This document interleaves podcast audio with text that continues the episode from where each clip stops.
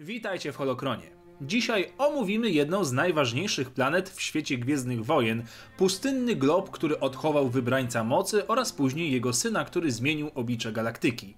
Poznajcie Tatooine. Tatooine, czy też jak wymawia się w języku Jawów, Tahdu-Ine, znajduje się w zewnętrznych rubieżach w sektorze Arcanis w systemie Tatu. Planeta posiada dwa słońca, Tatu 1 oraz Tatu 2. Posiada trzy księżyce, zwane kolejno Gomarasen, Guermessa oraz Chenini. Doba trwa tu 23 standardowe godziny, rok ma 304 dni. Średnica planety to 10 465 km, atmosfera typu pierwszego, czyli nadająca się do oddychania dla większości ras w galaktyce. 99% powierzchni planety zajmuje piasek, kaniony i wyschnięte na wiór pustynne połacie skrywające jaskinie, groty i inne niebezpieczne sekrety. Jednakże nie zawsze tak było. Cofnijmy się więc o parę lat. No, może o paręnaście tysięcy lat do czasów bezkresnego imperium Rakatan. Ależ to musiał być widok. Oceany rozpościerające się aż po horyzont, bogate lasy deszczowe, wilgotne dżungle i mnóstwo zwierząt. Tak właśnie niegdyś wyglądała ta planeta. Gdy 23 tysiące lat temu mieszkańcy dostali się w niewolę Rakatan, planeta była pełna życia. Jednak gdy szeregi imperium oprawcy zaczął trawić wirus, zniewoleni mieszkańcy planety postanowili się zbuntować i zdołali wypędzić najeźdźcę. Było to jednak gorzkie zwycięstwo. Choć Rakatanie opuścili planetę, w odwecie zbombardowali ją z orbity. Ostrzał był tak potężny, że doprowadził do przemiany krzemionki zawartej w glebie w czyste szkło, które z czasem rozpadło się w piasek. Planeta została dosłownie ugotowana żywcem, a wszystkie oceany wyparowały. Obecna na planecie rasa Kumumgachów zdołała przetrwać i podzieliła się na dwie rasy: Gofrasów oraz Jawów. Od tej pory Tatooine wyglądało tak, jak znamy je dzisiaj. Czas na nieco naukowe spojrzenie. Tatooine to jedna z najstarszych znanych w galaktyce planet. Zbudowana jest ze stopionego rdzenia ze skalistym płaszczem oraz krzemianową skorupą skalną.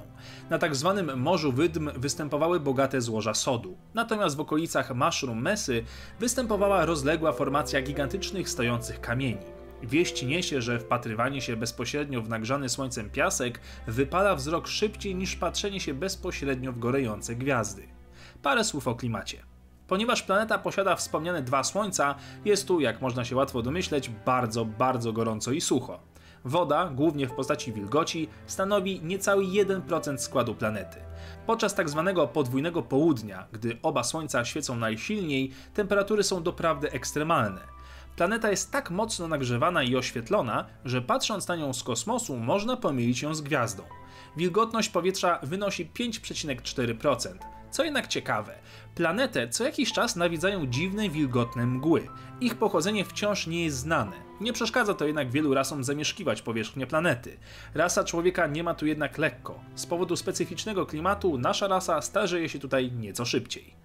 Z ojczystych ras mamy wspomnianych Kumungachów, ich potomków Jawów, Tuskenów, Troszti oraz robaki Cliffborer, które wbrew nazwie są rzekomo rasą inteligentną, lub też nie, bo dwa przewodniki po Gwiezdnych Wojnach przeczą sobie w tym temacie. Reszta ras to oczywiście ludność napływowa i mamy tutaj istną mieszankę rasową. Od Hattów, którzy kontrolują planetę i cały sektor, poprzez Rodian, Mandalorian, Twi'leków, Gotalów i Torianów, aż po Erkitów, Defelsów czy Shistavanenów. Populacja wynosi między 80 a 200 tysięcy, tak więc planeta nie była szczególnie zaludniona, żeby nie powiedzieć wręcz wyludniona. W większości zamieszkiwali ją ludzie, później Tuskeni i Jawowie, a resztę stanowiła cała masa wspomnianych ras. Mieszkańcy zajmują się tu głównie handlem złomem dostarczanym przez Jawów. Złom ten odsprzedają wszelakiej maści awanturnikom, którzy robią na planecie przystanek. Są tu kultowe kantyny i wszelakiej maści szemrane towarzystwo. Nie trudno tu o guza lub o znalezienie kogoś, kto tego guza w naszym imieniu spowoduje. Przez lata Tatooine przechodziło praktycznie z rąk do rąk różnych imperiów, wpływowych gangów, karteli, sojuszy, wataszków, federacji itd. Tak Planeta przetrwała praktycznie wszystkie zawieruchy wojenne, nawet najazd Yuzan Wongów nie wpłynął zbytnio na tego piaskowego Matuzalema.